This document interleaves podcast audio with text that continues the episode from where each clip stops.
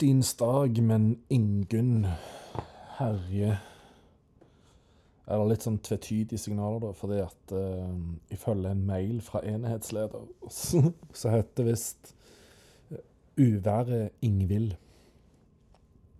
Men det, det, er vel Ingunn, sånn anyways.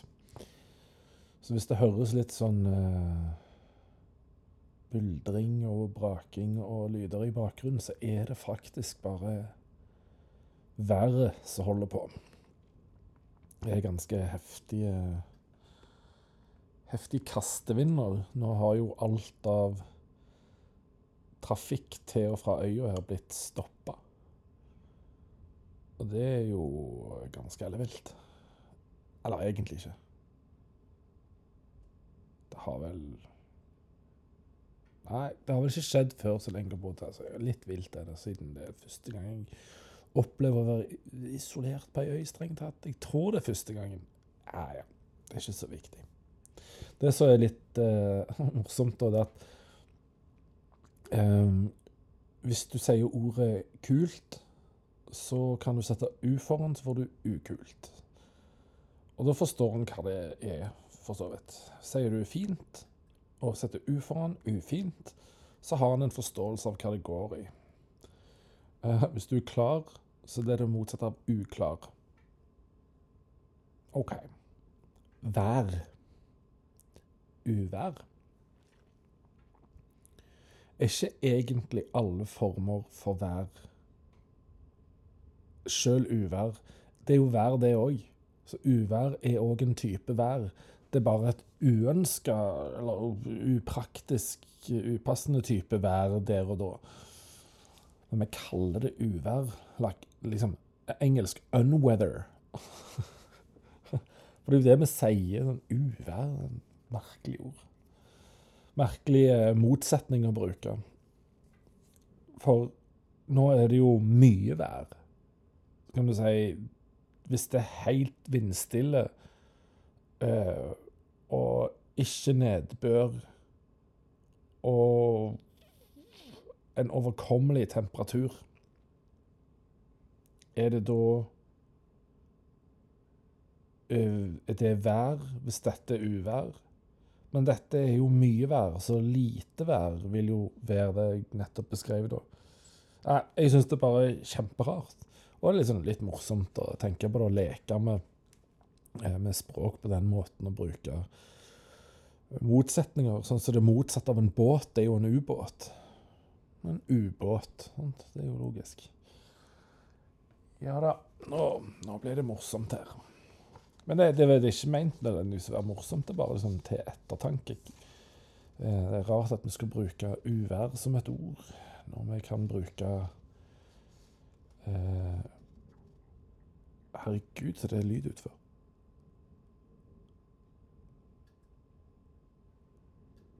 Damn, altså. Ja. Det er mye lyd. Jeg vet ikke om det slår inn her, men eh, det er iallfall tydelig mye lyd utfor.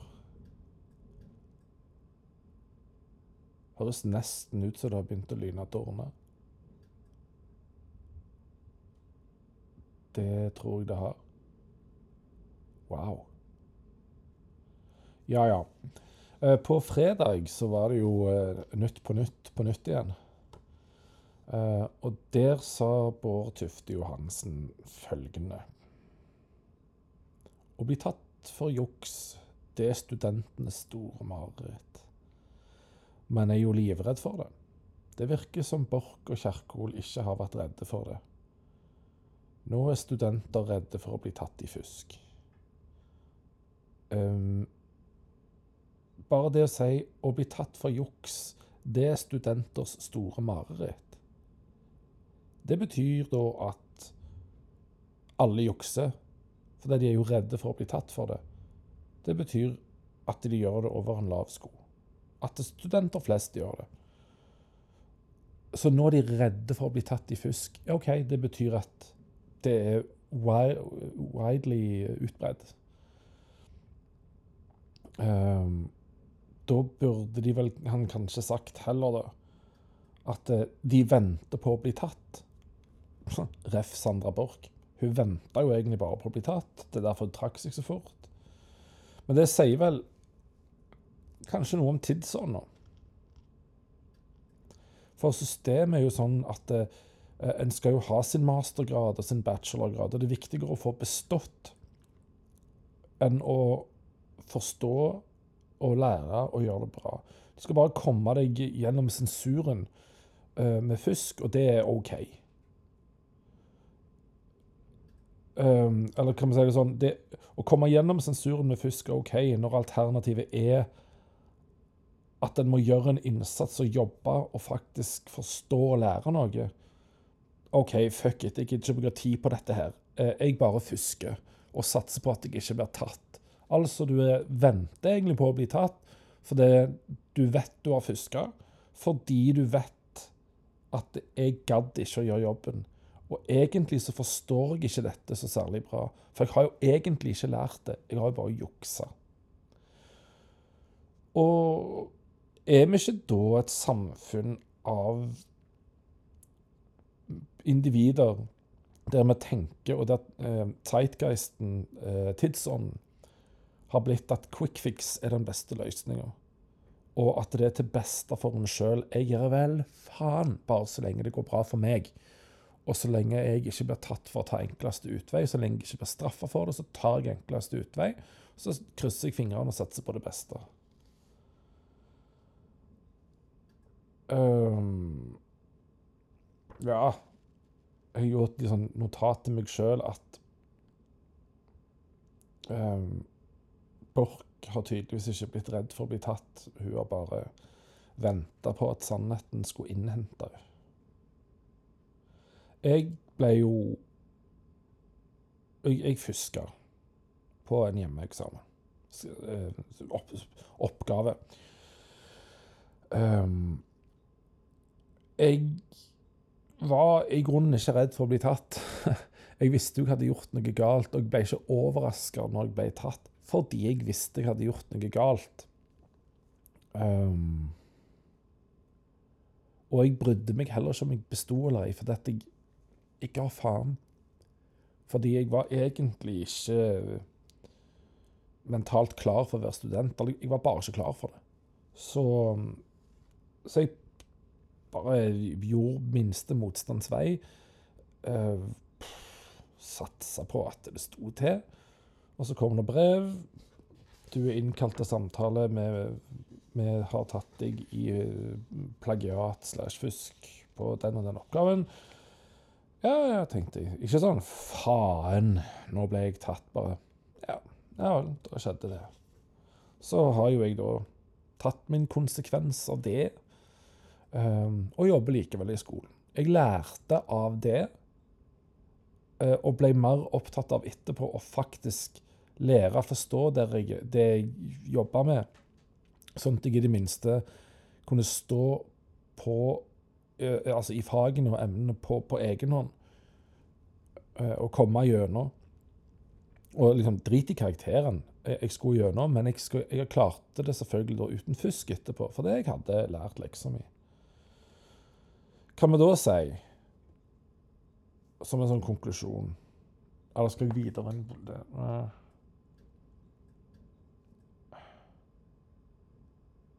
Nei. Eh, ærlige studenter sitt største mareritt er å stryke på arbeid fordi de faktisk har jobba for å fullføre.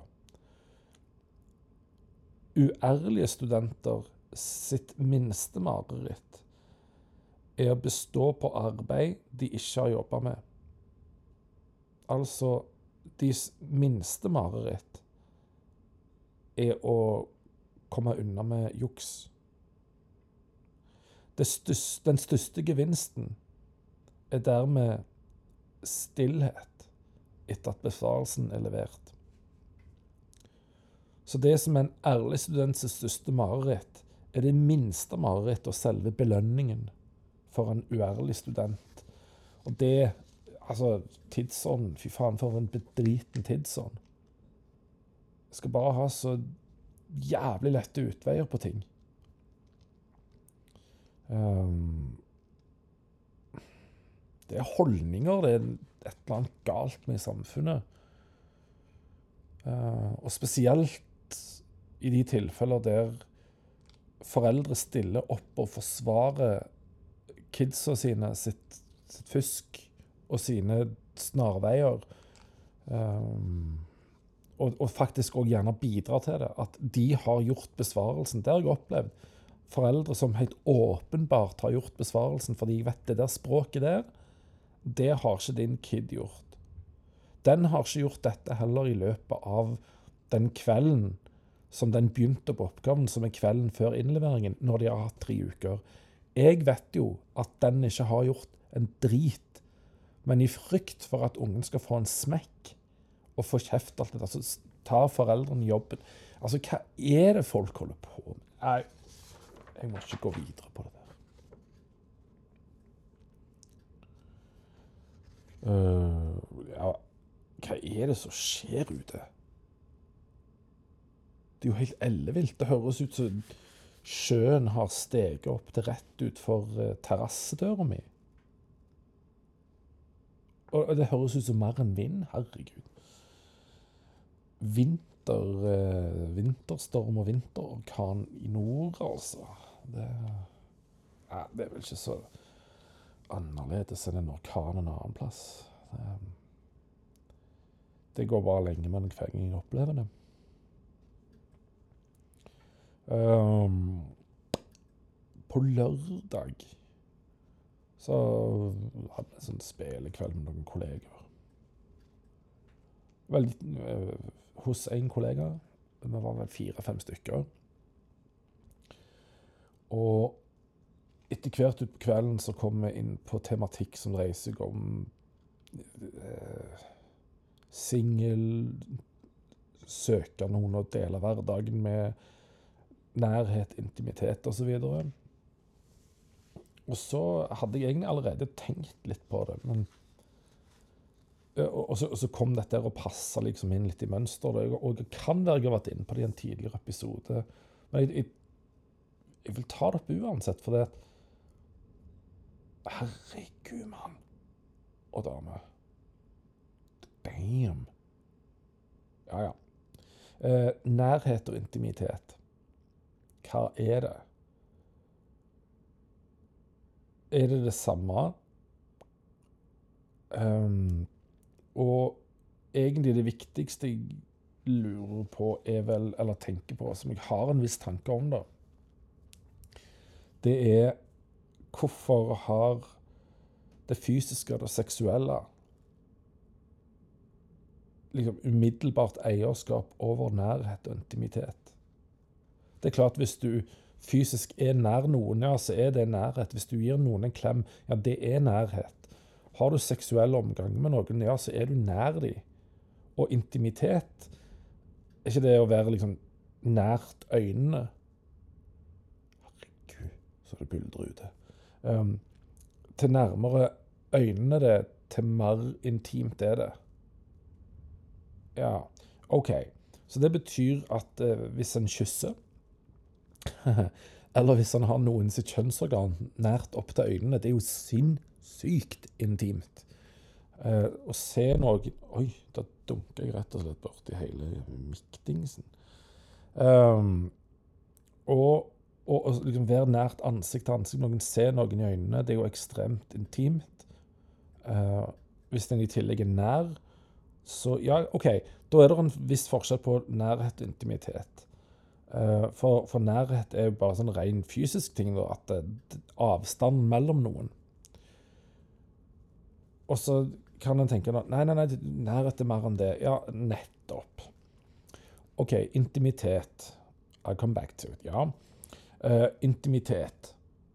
Uh, greit, vi kan si at uh, intimitet er hvor nært øynene noe.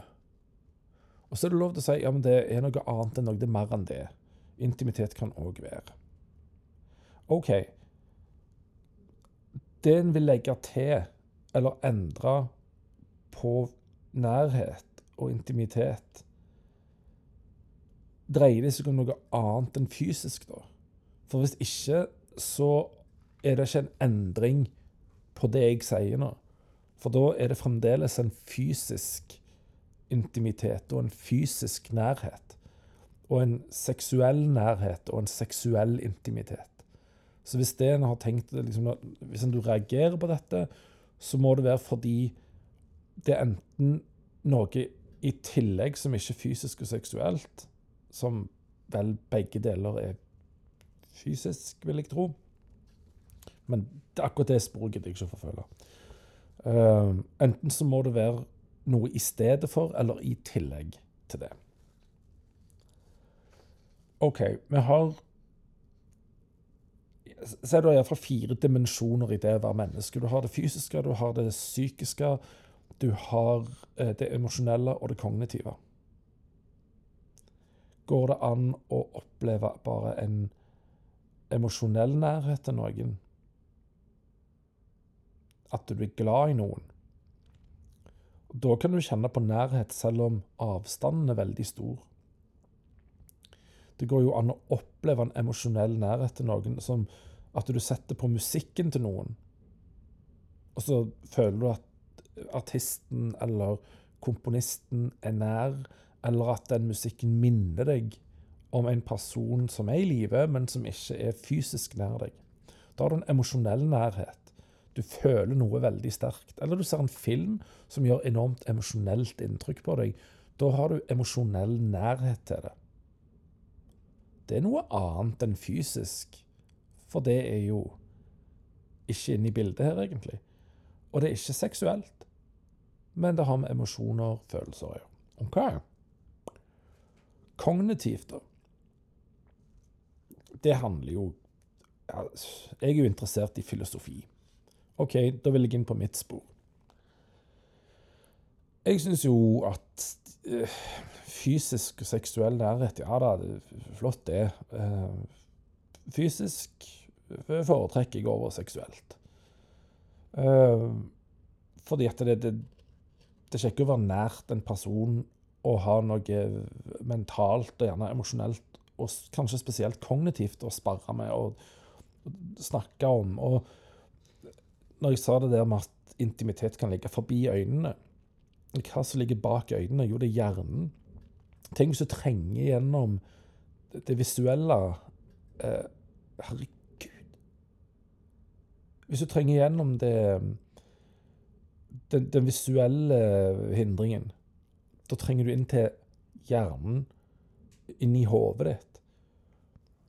Jeg vil jo si det mest intime er når du transcenderer eh, det fysiske.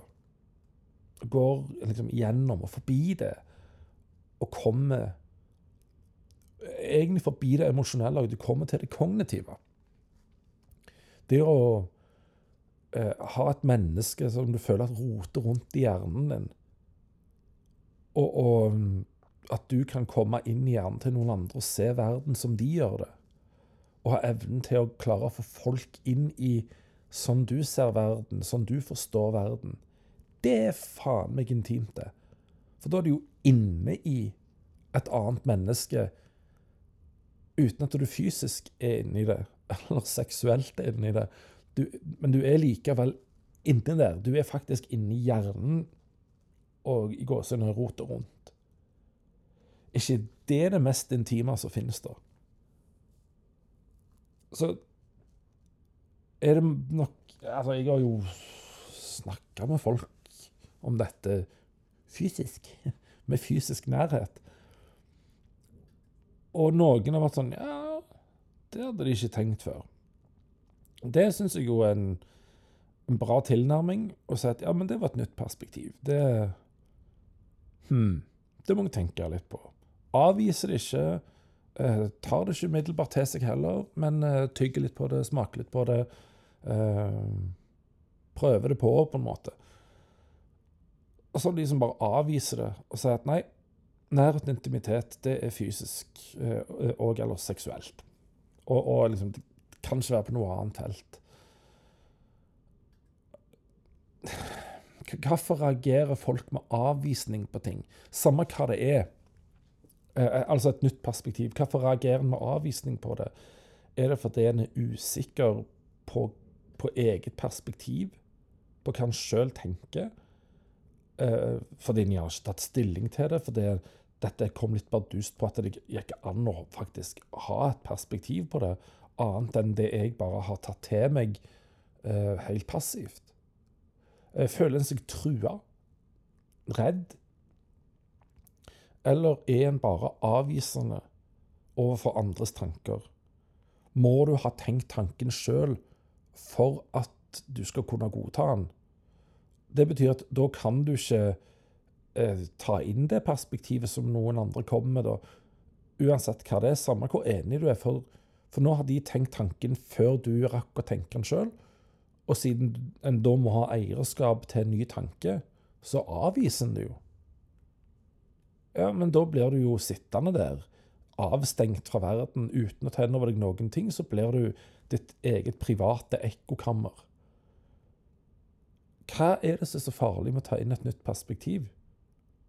Det betyr ikke at det er rett. Det betyr ikke at du har rett eller feil, og den andre har rett eller feil. Det er en annen måte å se det på ta inn det som måtte passe. Endre ja, og justere gjerne kursen og ideen din litt, men, men forhold deg til å ja, andre tenker sånn. For det er faktisk både lov å endre, og det er positivt å endre. Det er bra å endre. Enten det nå gjelder jeg, eh, hva du profesjonelt driver med i hverdagen, at det, eh, en kollega kommer med et innspill har du ikke lyst til å bli bedre i det du gjør? Kanskje du til og med kan effektivisere arbeidet ditt? Jeg vet ikke, jeg. Altså, bare vær åpen for noe nytt. Um, ja, altså Bare kom på det der med å være en i hjernen til noen. Jeg mener jo ikke det som Kommer på nå, det, det kan jo misforstås. Sånn, du, sånn, oh ja, sånn I form av manipulasjon. Du skal inn i hjernen til å manipulere dem. Nei, nei, nei, nei. Det er ikke den formen for å komme inn i hjernen til noen. Jeg tenker på det mer i form av nysgjerrighet og, deling av ideer. Rent, på et rent sånn filosofisk slash kognitivt nivå.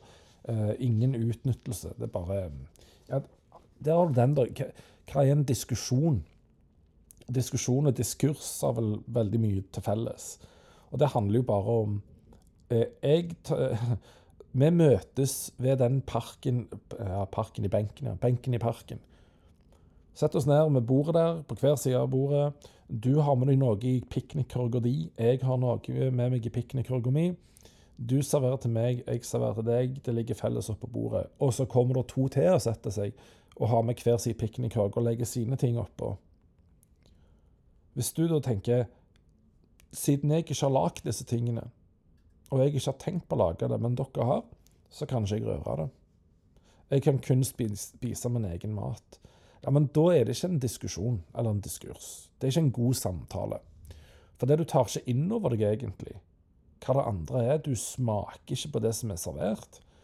Når du har smakt på det, altså stilt spørsmål, vært nysgjerrig, sett deg inn i det, prøvd å finne ut hvor kommer dette fra.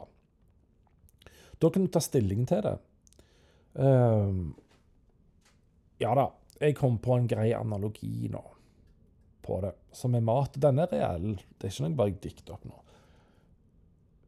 Jeg mener den et godt bilde på dette med å eh, ta inn noe nytt. Ikke være redd for endring, ikke være redd for nye elementer. Som kan funke som eh, en, et godt bilde eller symbol, metafor, analogi, et eller annet på på utvikling, endringsprosess. Være åpen, ta en perspektiv og, og forholde seg litt sånn kritisk til, til, både det andre og ditt eget. Så for 14 år siden ca. 14-15 år siden. I løpet av et halvt år var jeg to ganger i Marokko. Jeg tror det var siste gangen, ja, det var det. Da var jeg i byen Fes. Fantastisk by. Og i Medina, altså gamlebyen i Fes. Så var jeg og hun jeg var med, på en restaurant. Der jeg fikk servert bl.a. noe som heter Khobz. K-h-o-b-z. Khobz. Det er bare et sånn flatt marokkansk brød. Jævlig godt. Litt sånn eh,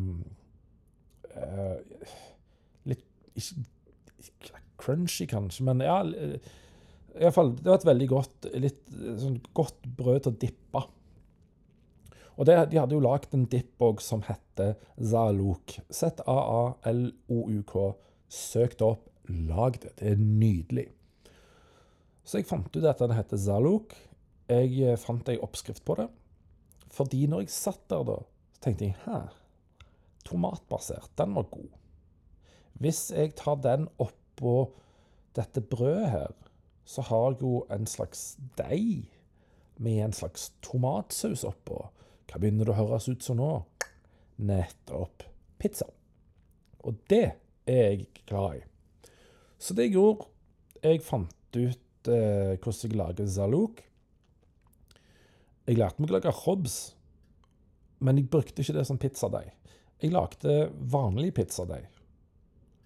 Eh, og så lagde jeg loka oppå. Og så slengte jeg ost oppå der. Tre ingredienser.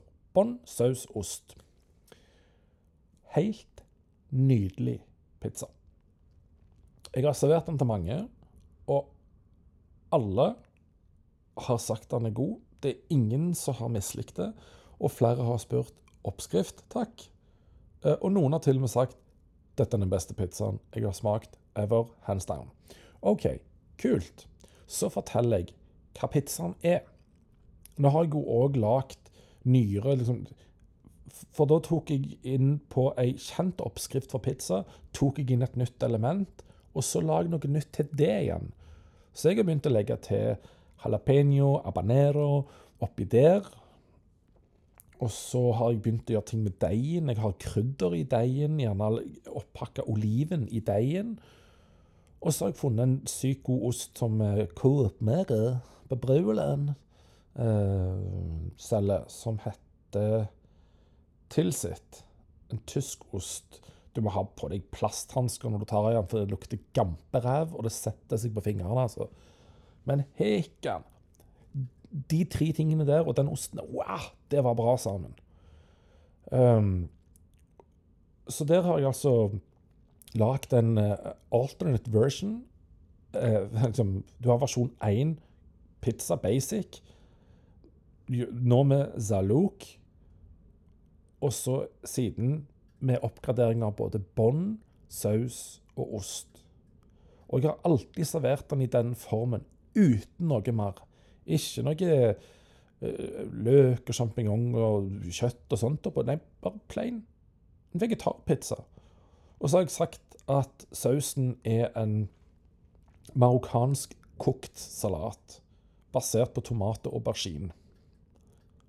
Oh, er reaksjonen til folk. Og, og, så blir det et lite øyeblikk med en slags en form for kognitiv dissonans, der du merker at kokt salat, pizza, vegetarpizza Faen, denne var god. Elsker denne pizzaen. Hæ. Heldigvis vant det siste. Likte pizzaen. Du kan jo bare avfeie det som eh, Det er ikke den jeg er vant med. Det er ikke Grandiosa. Eller det er ikke uh, ferdiglagd peppesbånd med Peppes ferdiglagde saus og Norvegia uh, og noen kjøttboller og, og, et eller annet annet. Klart du kan avfeie det. Men det blir jo ingen utvikling. Det blir jo ingen eh, utvidelse av horisonter og erf nye erfaringer og bla, bla, bla. Nei, bare avfei. Men på samme måte, da, så kan det være at det er noe i tanken på det som andre sier. Eksempelvis går det an at nærhet og intimitet òg kan være kognitiv.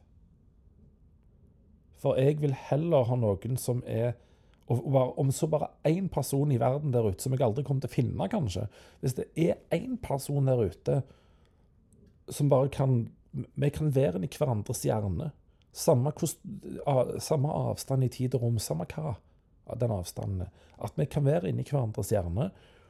Jeg ville hatt, mye heller hatt det enn en person som jeg er fysisk nær og seksuelt nær. For det, det betyr så lite. Nå kan det være at det siste jeg sa, stemmer, Eller det kan være at jeg bare bruker det for å rykke i deg som hører på, for å få deg til å ta litt stilling til det. Fordi at det å snakke i påstander og, og snakke i uvante termer og overraske litt, eh, og rykke litt i holdningen til folk, det gjør at en tar stilling. For hvis ikke, så er det bare Ja, ja, mitt narrativ som gjelder. Dette her eh, fikk ikke meg ut av posisjon, så det, det skal mer til for at jeg eh, gidder å reagere. Ja ja, OK, bare spis Grandis, du. Ja, jeg har nå prøvd Grandis med litt krydder på. Ja, du prøvde med litt piffig krydder på, ja. Ja ja, det var modig gjort av deg. Som et første steg, ja ja. Men hvis du er 40 år og for første gang prøver Grandis med Piffi Oi, oi, oi. Ta det som et bilde på, på Norge. Da er vi i alle fall kognitivt et stykke fra hverandre, for å si det sånn. Selv om vi kan være aldri så fysisk nære hverandre. Kanskje det er et poeng i kognitiv nærhet? Jeg vet ikke, jeg. Eller jo, jeg gjør jo det. Jeg vet vel egentlig veldig godt hva jeg mener om det. Ja, ja. Dømme. Døm meg gjerne. Vurder iallfall det jeg sier. Ta, ta, stilling til det. Og så får du eh, ta et metaperspektiv på ditt eget stillingstagen og måten du tar stilling på, og grunnlaget du tar stilling på. Så ja Bare ikke fusk. Og ikke, hvis du fusker, ikke bli overraska hvis du blir tatt. Vær heller ærlig. Gjør en hederlig innsats, for det skal ganske mye til for å stryke hvis du faktisk gjør en innsats, gjør en hederlig innsats. Kanskje det blir enda bedre enn laveste ståkarakter. Våg å spørre om hjelp, eller tørr. Sett vekk den jævla hybrisen og stoltheten Hybris må vi i alle fall ta livet av. Bare drit i hybris og stolthet. Kan jeg få hjelp? Kan noen som har litt erfaring eller litt peiling, gi meg noen råd, sånn at jeg kan prøve å, å, å gjerne få til dette sjøl òg? Og der kom ordene igjen, som jeg tror jeg snakket om for ikke så lenge siden. Tørre, gjør og Eller tørre å feile og få til. De tre henger uløselig sammen. Så eh, da får du ha eh, noen dager, ei uke, til neste gang jeg skal spille noe, tror jeg. Ja, jo, det blir vel det. Hvis jeg ikke blåser vekk, da. Hvis ikke Ingunn tar meg med storm, eh, så får du ha ei juksefri og kognitivt berikende uke. og så får jeg gjøre et tips fra en elev i begynnelsen av neste episode. Så hvis du syns at neste episode starter litt rart, så er dette tips fra en elev. Uh, og pga. at den eleven har hørt litt, litt av podkasten, så ble jeg, liksom, ble jeg bevisst på ikke slutt eller begynne den likt to ganger på rad. Så da får jeg vel denne gangen si uh, snudlibubb. Takk for i dag.